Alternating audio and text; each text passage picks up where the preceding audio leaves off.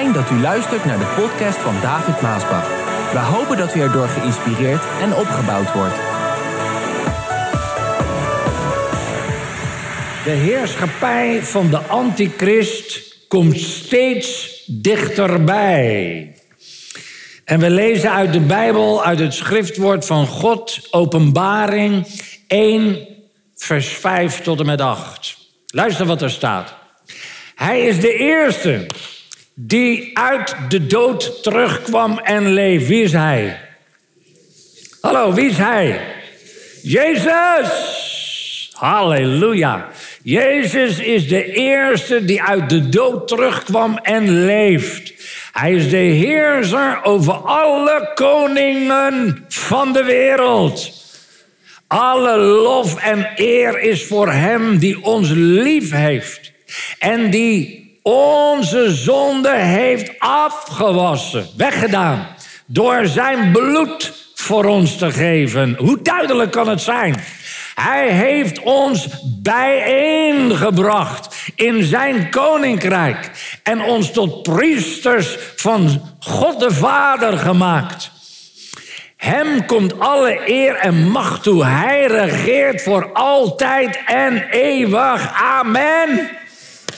Hij komt te midden van de wolken. Hij komt te midden. Een andere vertaling zegt: hij komt op, hij komt op de wolken. En iedereen zal hem zien. Ook zij die hem doorstoken hebben. En alle volken van de wereld zullen om hem treuren en jammeren. Ja, amen. Ik ben de Alpha, de Omega, het begin en het einde. Van alles, zegt de Heer, de Almachtige God, die is, die was en die komt. Hij komt op de wolken. Hallo lieve mensen, Jezus komt terug. Ja, hoeveel mensen en kerkleiders geloven, prediken en getuigen vandaag nog over de wederkomst van Jezus Christus. Dat Jezus Christus terugkomt. Het lijkt wel of die verwachting, en dan heb ik het niet eens over, ja, ik heb het eigenlijk over de christenen in het algemeen. Ik bedoel, binnen Pinkster en Evangelische eh, wordt het nog wel gepredikt, maar daar vraag ik het dus ook eigenlijk aan. Pinksterpredikers, evangelische predikers, laat staan in de traditionele kerken. Eh, eh, of de, de, de matige gelovigen als ik het zo mag noemen.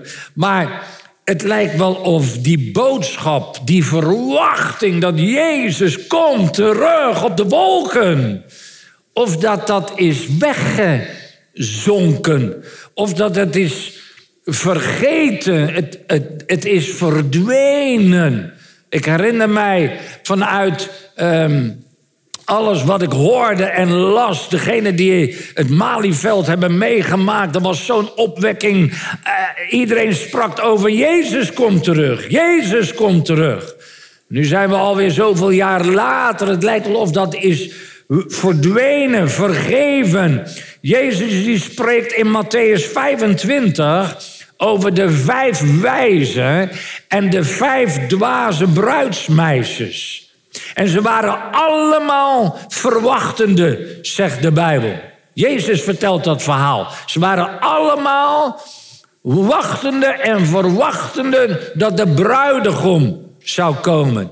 Maar Jezus vertelt ook dat ze allemaal in slaap waren gevallen. Ja. En zo is het ook met de kerk van vandaag. Vele christenen en kerkleiders zijn gelijkvormig geworden aan de wereld. En vandaag helemaal.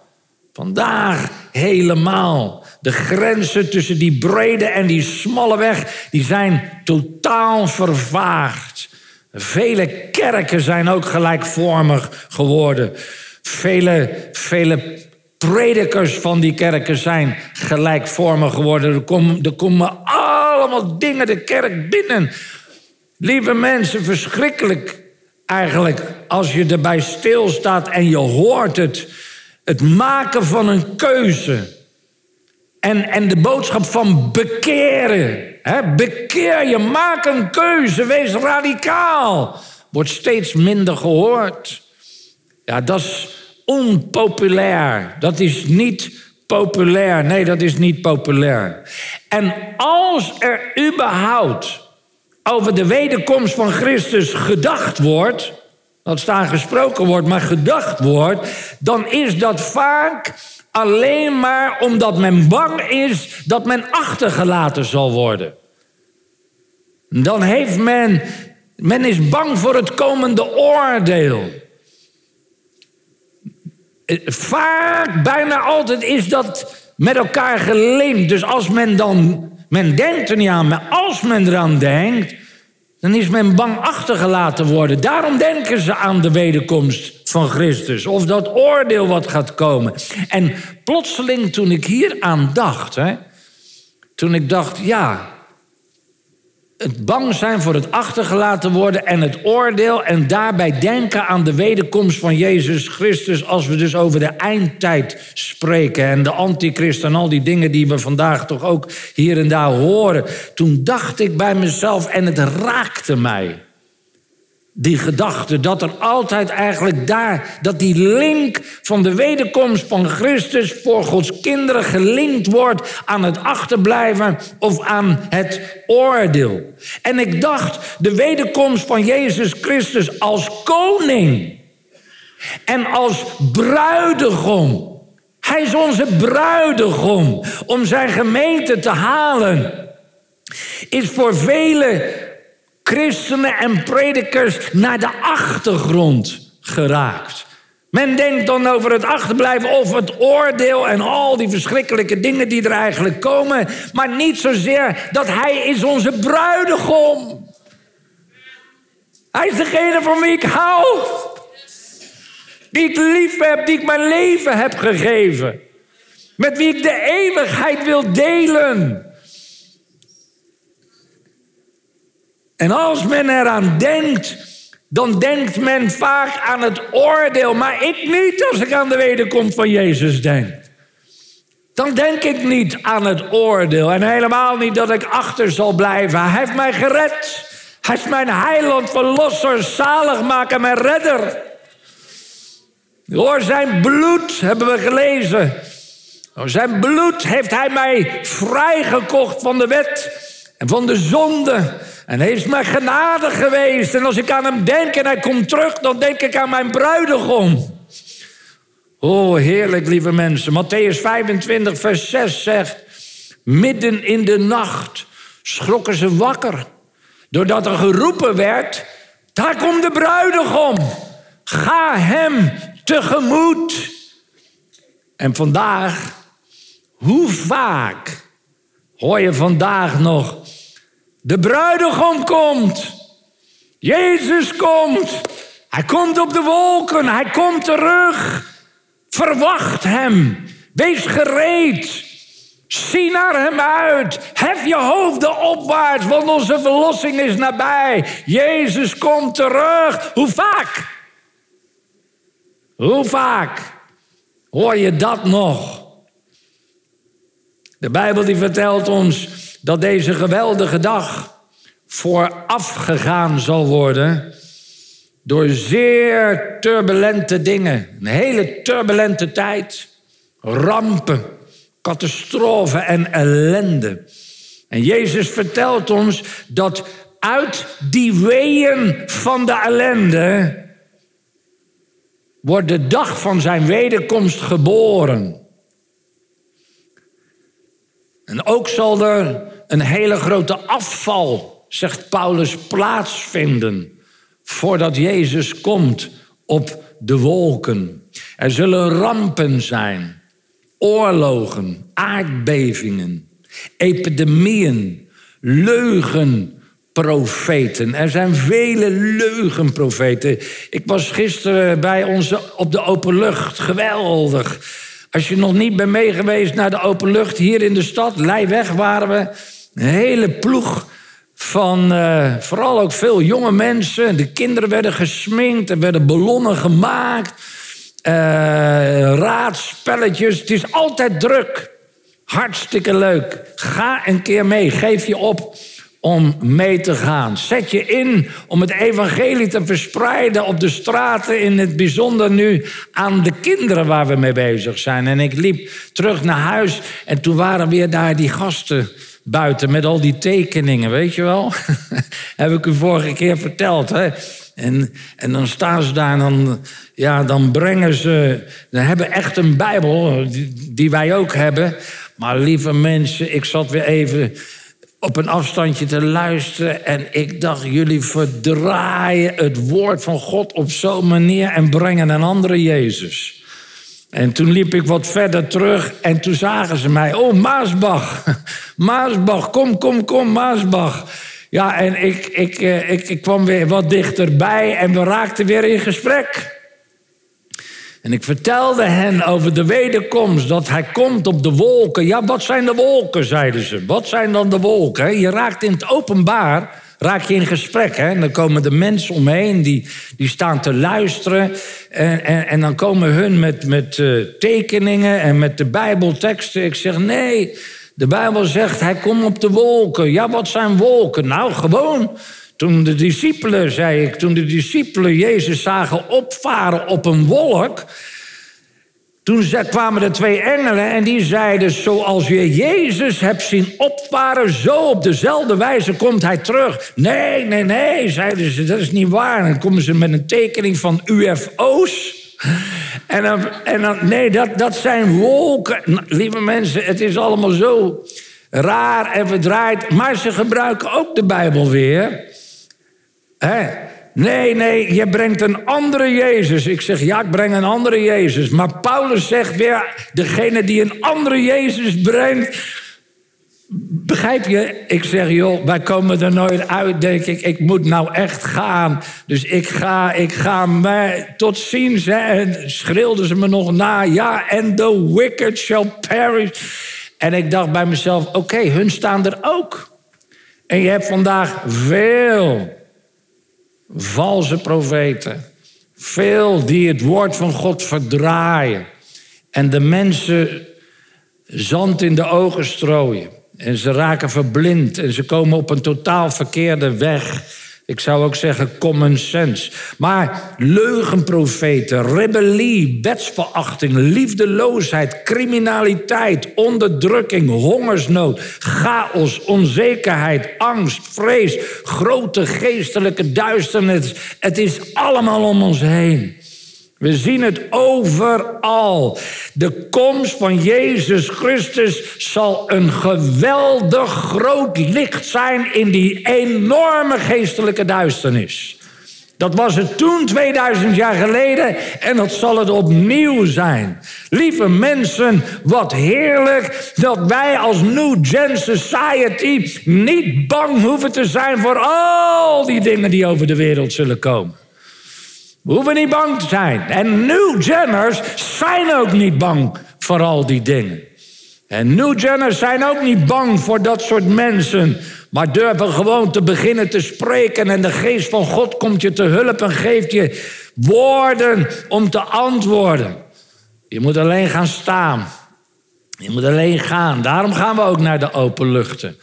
Ja, niet allemaal hoeven natuurlijk zo in discussie te gaan met die lui. En dan ben ik toch versteld dat die Paulus hè, bij zulkzelfde soort uh, Joden, schriftgeleerden, legde hij vanuit het woord God uit dat Jezus de Christus was. Geweldige man, die Paulus. Wij ook, lieve mensen, wij zijn in de rust.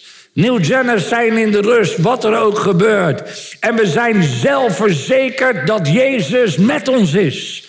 Al de dagen van ons leven tot de volleinding van de wereld. Wij zijn zelfverzekerd. En we zijn ook in de rust. We zijn niet bang, we zijn niet bevreesd. Halleluja. Wat we dan ook horen, wat we ook zien. Wij zijn net zo in de rust. En wij zijn net zo zelfverzekerd als dat Paulus was toen hij voor koning Agrippa stond. Luister wat hij zei. Och, die man die stond voor de koning. Hè?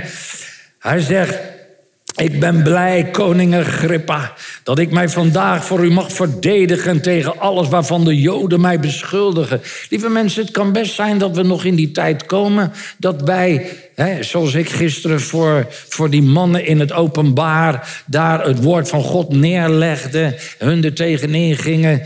Hm, Paulus had het ook, Petrus. Het kan zijn dat jij midden in zo'n situatie komt met familie of vrienden of kennissen. En dat je ineens moet uitspreken het woord van God. Dat Jezus dezelfde is en dat je een christen bent. En dat jij hem volgt. Paulus deed hetzelfde, maar in de rust, hè, volle zekerheid. Als Joden weten, alle Joden weten hoe ik heb geleefd. Ze kennen mij van jongst af aan. Ik heb mijn opvoeding eerst in Tarsus en later in Jeruzalem genoten. Het is hun bekend dat ik van mijn jeugd af aan heb geleefd volgens de regels van de Fariseese partij. De strengste richting van onze godsdienst. Als zij dat nu maar willen toegeven. En nu sta ik hier terecht omdat ik verwacht dat God zal doen wat hij onze voorouders heeft beloofd.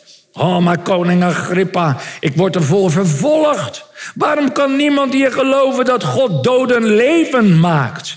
Ik heb vroeger zelf ook gemeend al het mogelijke te moeten doen om de verspreiding van de naam van Jezus van Nazareth tegen te gaan. Met toestemming van de leidende priesters heb ik in Jeruzalem vele van zijn volgelingen gevangen gezet. En als tegen hen de doodstraf werd geëist, stemde ik daar altijd in mee. Ik ging alle synagogen binnen. Als ik daar christenen vond, probeerde ik hen vaak met geweld te dwingen Jezus te vervloeken. Door een diepe haat gedreven vervolgde ik hen zelfs tot in het buitenland. En zo ging ik ook naar Damascus met toestemming van de leidende priesters. Ze hadden mij de bevoegdheid gegeven namens hen op te treden. Onderweg zag ik midden op de dag een licht, koning Agrippa. Helderder dan de zon. Het omstraalde mij en de mannen die met mij meereisden. Wij, wij vielen allemaal op de grond. En ik hoorde iemand in het Hebreeuws tegen mij zeggen... Saul, Saul, waarom vervolgt u mij? U doet alleen maar uzelf pijn, net als een os die trapt tegen de stok die hem voortdrijft. Wie bent u, Heere? vroeg ik. En de Heere antwoordde: Ik ben Jezus die u vervolgt. Maar kom, sta op. Ik heb mij aan u vertoond om u in dienst te nemen. U moet de mensen vertellen wat u vandaag van mij hebt gezien en wat ik nog zal laten zien. U zult hen de ogen openen voor de toestand waarin zij verkeren. Lieve mensen, ook u moet hen de ogen openen voor de toestand waarin zij zich verkeren. De mensen om je heen, de kennissen, de vrienden, de familieleden. Wanneer daar ineens zo'n kans toe komt hè, een opening, dan moet je niet zwijgen, dan moet je je stand innemen. En daarom gaan we ook de stad in de straten op en vertellen we het evangelie om de mensen de ogen te openen. Opdat zij zich van het duister naar het licht zullen keren, hè, bekeren. En zich door God zullen laten regeren in plaats van door Satan. Door hun geloof in mij zullen zij vergeving van hun zonden krijgen en zullen zij deel krijgen aan mijn koninkrijk. En samen met de mensen die bij mij horen.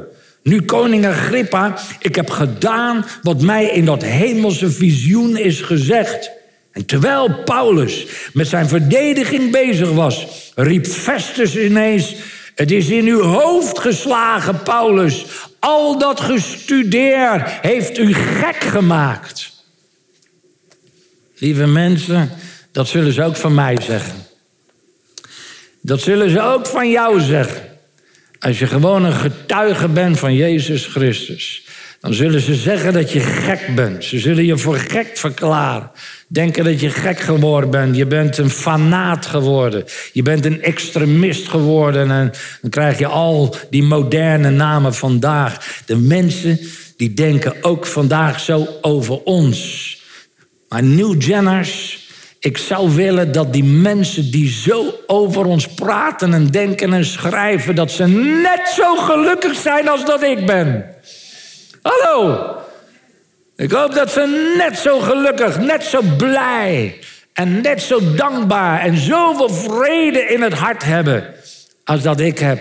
Of ik zou willen zeggen als dat wij hebben. Ja toch? Je hoopt dat ze net zo gelukkig zijn. Diezelfde geest in Paulus tegenover Agrippa, die zie je ook in Elia tegenover Agap.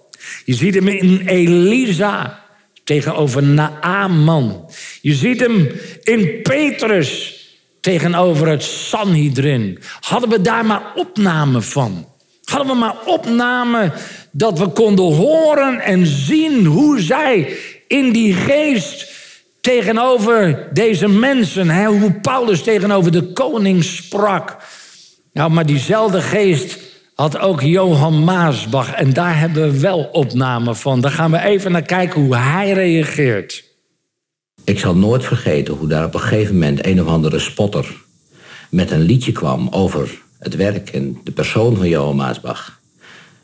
Zo spottend en zo beledigend, niet alleen voor hem, maar ook voor het evangelie en voor de Heer Jezus Christus. Dat wij hebben ons afgevraagd, hoe zou hij daarop reageren? Hoe zou ik daarop reageren? En toen wist ik het antwoord niet.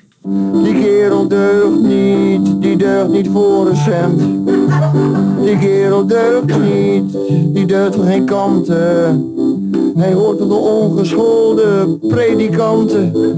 Als zakenman is hij een natuurtalent, die kerel deugt niet, die deugt voor geen cent. Halleluja. Toen moest hij een reactie geven op wat er gezegd werd door die spotter. Daar in dat liedje. En wij zaten op het puntje van onze stoel. En toen pakte hij een schilderij, ik zal het nooit vergeten. En dat was een beeldenis van Golgotha met de Heer Jezus aan het kruis. En toen vroeg hij, mag ik ook een lied zingen? En toen is hij daar een lied gaan zingen over het lam van God dat de zonde der wereld weggenomen heeft. Ook mijn zonde heeft hij gedragen. Walter? nou, moet ik even kijken. Een blaadje mee. Walter. Even kijken, we hebben geen tijd gehad om te repeteren. Het is geen Dorrestein zo te horen. On een cross crucified, ja. Wacht even jij. On een cross crucified, in great sorrow he died. The giver of life was he. Yet my Lord was despised and rejected of men. This Jesus of Calvary. He was wounded for our transgressions. He was bruised for our iniquities.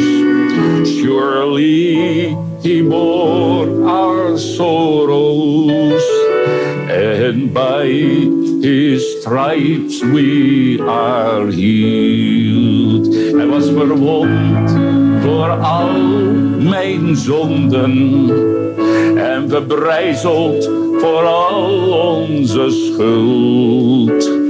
Waarlijk, hij droeg mijn smarten. Door zijn striemen ben ik gezond.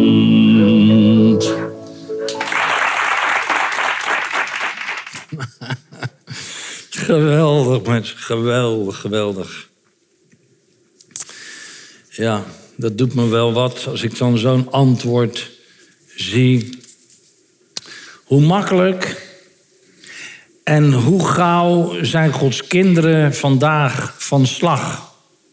Als je zoiets dan meemaakt. Gods kinderen zijn vaak zo snel uit het lood geslagen, van slag. Van de kook zeggen ze ook wel. Wanneer er wat over hun gezegd en geschreven wordt. En hoe snel verliezen vandaag Gods kinderen hun moed als het tegen zit. Hoe snel verliezen Gods kinderen hun, luister, hun koninklijke waardigheid. Wanneer ze reageren op dingen die mensen hebben gezegd of geschreven of hebben aangedaan. Maar New Jenners zijn anders. New Jenners zijn anders. Ze hebben een andere geest. Net als Paulus en Petrus en Jozua en Caleb, Daniel, Sadrach, Messach en Abednego en Rahab en Deborah en Esther. New Jenners zijn sterk en wel bewuste gelovigen. Waar hun geloof niet wegsmelt als sneeuw voor de zon als er tegenstand komt. Of als de duivel weer eens even om de hoek komt om je uit te dagen. Nee, New Jenners hebben, luister, staal in hun bloed. Hoe vind je dat? Staal in hun bloed. Heb jij nog geen staal in jouw bloed? Ga dan naar de bron en bid Hem voor de kracht van de Heilige Geest in jouw leven. Dan krijg je staal in je bloed en je hebt het nodig. Je hebt het nodig, kinderen Gods. Want het zal nog veel erger en veel donkerder worden voordat Jezus terugkomt op de wolken. Veel donkerder wordt het nog. Veel moeilijker. Veel zwaarder. De heerschappij van de antichrist komt steeds dichterbij. En je ziet het op allerlei manieren. Je ziet het eigenlijk, je ziet het rijk van de antichrist eigenlijk vorm krijgen. Als je opmerkzaam bent. Dat zie je al in dat hele systeem waarin we zitten met, met, met, die, met die apps en met die uh, telefoon. Je moet upgraden. En als je niet upgrade, krijg je een herinnering. En als je niet upgrade, krijg je nog een herinnering. En als je dan niet upgrade, sluiten ze af en dan kan je je bank niet meer in. Je ziet het in allerlei vormen. Je ziet het ook met het vaccineren. Nou, de meesten weten dat ik een voorstander ben van vaccineren omdat ik ook zo voel dat dat de enige manier is om zo'n pandemie onder de duim te krijgen. Net zo goed als dat we uh, polio en tyfus en cholera en, en al dat soort ziekten onder de duim hebben gekregen door het vaccineren. En dat geloof ik ook met dit vaccin. Alleen verplichten ben ik tegen. En daar zit wel een heel groot verschil. En hier zat ik over na te denken. En dit is wat ik eigenlijk gisteren zo opschreef. De kracht van een democratie bestaat in het vermogen om minderheden te respecteren. Hoor je dit? Democratie is dat die minderheden kan respecteren. Ook dus degene die zich niet willen laten vaccineren. Dat is een, een, een, minderheid op zich, trouwens, even zo tussendoor. Als je je niet wil vaccineren, want je zegt: Ik vertrouw op God, dan heb je daartoe het recht. En dan mag je dat doen. Maar dan zou ik zeggen: blijf dan niet thuis omdat je bang bent om naar de samenkomst te komen, omdat je bang bent dat je besmet wordt. Want hoe kan je nou op God vertrouwen en je niet laten vaccineren, maar in dezelfde tijd wel bang zijn om naar zijn huis te gaan? Dan moet je ook vertrouwen dat de Heer je behoedt en bewaart. Weet je, als je die lijn trekt, moet je die lijn ook doortrekken. Dus ik zeg het maar even voor degenen die thuis blijven, zich niet willen vaccineren, maar bang zijn omdat ze besmet worden hier in Gods huis. Trouwens, het is hier veiliger dan dat je naar de supermarkt loopt. Dat wou ik wel even zeggen. Maar luister nog even. Gedwongen worden je te laten vaccineren is een aanslag op de democratie, schreef ik. Want gedwongen worden is een inbreuk op je lichamelijke integriteit. Als je gedwongen wordt vanuit de overheid om je te laten vaccineren, dan is dat een, een aanval, een inbreuk op je lichamelijke integriteit, waar jij de baas over bent over je eigen lichaam. Probeer te overtuigen met respect, argumenten, woorden en voorbeelden. Zoals ik nou ook las in Amerika, zijn er een hele hoop die zich niet wilden vaccineren. Ze zijn eh, heftig in het ziekenhuis gekomen en ze wilden toen ineens het vaccin, waarbij de dokter zei: ja, maar dat heeft nu geen nut. Zover moet je het dan niet laten komen en dan ineens wel overstag gaan. De overheid, luister wat ik schreef, de overheid wordt machtsdronken. Dat is wat je eigenlijk nu ziet Bij alle overheden, maar ook in Nederland. De overheid wordt machtsdronken. Wat ze eerst nooit zouden doen, doen ze steeds meer en steeds makkelijker. Ook Macron in Frankrijk, want die wil verplichten, ik weet niet of het al zo is, maar verplichten dat al het verplegend personeel verplicht gevaccineerd moet worden. Ik begrijp het wel. Ik begrijp, de, ik begrijp wel waartoe het eigenlijk allemaal komt. En toch kan dat niet, want als dat gebeurt, dat is hoe dictaturen ontstaan. Schreef ik. Dat is hoe dictaturen. En dat is precies hoe de antichristen werk zal gaan als een dictator. Zo laten we altijd die grens bewaken. Dat wij de vrijheid die we hebben om te kiezen, dat we dat mogen vasthouden. Goed, even, dat even zo tussendoor, dat ik dacht, ja, het is wel zichtbaar dat dat rijk met de macht over de mensen steeds zichtbaarder en duidelijker wordt in de wereld. Maar New Jenners zijn niet bang. New Jenners zijn ook voor dit wat ik allemaal zei niet bang. Want Jezus heeft gezegd in Johannes 11: Ik geef de doden het leven terug. Ik ben zelf het leven. Wie in mij gelooft, zal leven Zelfs al is hij gestorven.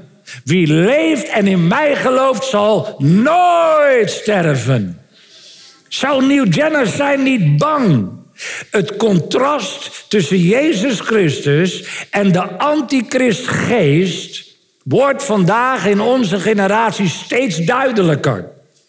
Het wordt steeds groter, steeds duidelijker. Luister, het wordt steeds meer ben je voor Christus of ben je tegen Christus? Het wordt steeds meer gaat het die kant op. En dan gaat het hierbij voornamelijk voor de normen, de waarden en de principes waar Jezus en zijn volgelingen voor staat. Daar gaat het voornamelijk om. Ben je daarvoor of ben je daar tegen? Daarom zeg ik, ben je voor Christus of tegen Christus? Ben je voor waar hij voor staat of ben je daar tegen? Dat wil zeggen, het wordt steeds moeilijker om neutraal te staan en te blijven staan ten opzichte van het evangelie van Jezus Christus. Steeds moeilijker voor de ware christen, voor de New Jenners. Maar aan de andere kant, New Jenners zijn niet bang. Ofwel, alles wat God doet verdeelt de wereld in twee kampen. Aan de ene kant heb je de grote gemeente van Satan. Dat is een hele grote gemeente in de wereld. Brede weg, velen gaan daarop. Je ziet massa's. Als je ergens bij die drukke steden of in de stad zie je massa's. Het is een grote gemeente van Satan. En je hebt een kleine gemeente van Jezus Christus. Klein ten opzichte van die grote gemeente. Heb je kleine gemeente van Jezus Christus. En beide bronnen van die gemeente, groot en klein, worden steeds meer opgegraven, komen steeds meer tevoorschijn en worden steeds duidelijker. Wat uit die bron komt van die grote gemeente en wat uit die bron komt van de kleine gemeente. En bij de kleine gemeente van Jezus Christus, wie hoort daarbij? Wie hoort er bij de kleine gemeente van Jezus Christus? Ik steek beide handen omhoog. Of moet ik zeggen, wie hoort er bij de grote gemeente? Hoe kan dat nou? Sommigen hebben bij beide geen hand opgestoken. Maar je hoort bij één van twee hoor. Bij één van twee. En geen keuze maken is ook een keuze, want je kan niet meer neutraal blijven vandaag. Dat kan niet meer. Bij die grote gemeenten van Satan komen steeds meer afschuwelijke gruwelijkheden tevoorschijn. Het wordt steeds gruwelijker. Steeds erger wat we zien en wat we horen. En bij die kleine gemeente van Jezus Christus komen steeds meer de allerheerlijkste zegeningen van de levende God tevoorschijn. Blessings upon blessings. Vrede, rust, blijdschap en overwinning. Te midden van de tranen, de moeilijkheden, de strijd. En deze twee gemeenten, groot en klein, staan steeds meer lijnrecht tegenover elkaar. Dat is wat je ziet vandaag. Dat is wat je voelt vandaag. En dat is precies de reden dat je niet meer neutraal kan blijven. En dat je daardoor een keuze moet maken. Vandaar jaren geleden over het trekken van die grenzen. Waar zo'n ophef over is geweest. Uiteindelijk komt het tot een enorme climax tussen deze twee gemeenten. Openbaring 19, misschien lees ik dat in het korte paar versen. Er staat, ik zag de hemel geopend. Plotseling zag ik een wit paard. En hij die erop zat, heet trouw en oprechtheid. In zijn oordeel en in zijn strijd is hij rechtvaardig. Zijn ogen zijn als laaiend vuur. En op zijn hoofd draagt hij vele kronen. Hij zelf is de enige die de naam kent die op hem geschreven is. Op zijn kleed en op zijn dij staat deze naam. Koning over alle koningen en Heer over alle heren. Wie is dat? Dat is Jezus. En ik zag het beest samen met de koning van de aarde. Ze hadden hun legers verzameld om oorlog te voeren tegen hem die op het paard zat en tegen zijn leger. Het beest werd gevangen genomen, samen met de valse profeet die onder het oog van het beest wondertekenen had gedaan. Waardoor alle mensen werden verleid die het teken van het beest droegen en de stambeeld van het beest aanbaden. Het beest en de valse profeet werden levend in het meer van brandende zwavel gegooid. En de duivel die hen heeft misleid, werd in de brandende zwavelmeer gegooid. Waarin ook het beest en de valse profeet waren gegooid. En daar zullen zij dag en nacht gepeinigd worden voor altijd en eeuwig. Lieve mensen, lieve mensen. Zorg dat je tot die kleine gemeente behoort. Waar Jezus Christus Heer is. Waar Hij koning is en regeert als een koning. Als je tot Hem behoort en zijn gemeente kan niets jou schaden. Zelfs de dood niet. En daarom zijn we niet bang. We zijn niet bevreesd, wat er ook gebeurt. En ben je moe, ben je afgemat vanwege al de toestanden en strijd. Hè? Familie, vrienden, kinderen, allerlei duivelse aanvallen noem. Vat weer moed. Vat weer moed. God is goed. Hij is met je, hij is bij je. Hij zal je door het vuur halen, hij zal je door het water halen, hij zal je door de dalen heen halen. Met hem kom je er weer uit. Met hem zal je meer dan overwinnaar zijn. Halleluja, ja. Prijs de Heer. Zo wees niet bang. Jezus is met ons. En wij behoren toe aan die kleine gemeente. Ja, er zijn vele aanvallen van de boze. Maar we zijn niet bang. Hij beschermt ons, hij behoedt ons en bewaart ons. En hij zal ons nooit verlaten tot de voleinding van deze wereld. Amen.